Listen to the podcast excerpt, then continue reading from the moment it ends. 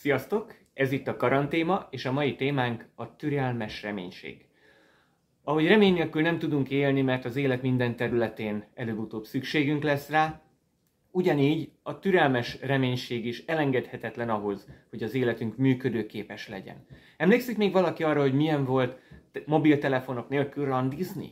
Megbeszéltük például, hogy találkozunk a nagy templom előtt délután kettőkor, és ott kellett lenni, nem volt szabad eh, elmozdulni, nem lehetett elé menni, keresgélni, csupán várni és reménykedni, hogy el fog jönni. Ha késett, nem tudtam rákérdezni, nem tudtam nyaggatni, nem tudtam ellenőrizni, hogy nincs-e félreértés, megkérdezni, hogy merre van.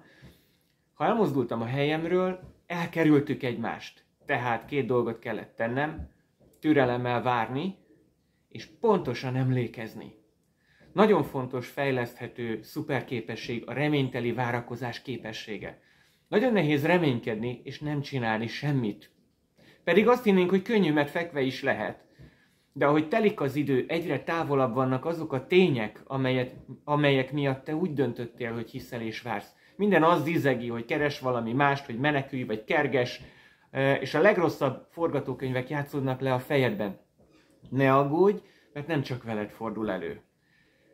Izrael népe a pusztában a legnagyobb csodák után rövidesen a legrosszabbakat gondolta Mózes, Mózesről, Istenről és az utazásukról, és jó nagy bajba keveredtek a türelmetlenségük miatt. A kulcs ez, tudom, hogy kinek hittem, és ő nem csap be. Tehát légy türelmes, és emlékezz. És mondd el a gyermekeknek, az unokáknak, és önmagadnak is a történetet, ami miatt úgy döntöttél, hogy reménykedsz, add át a reménységet.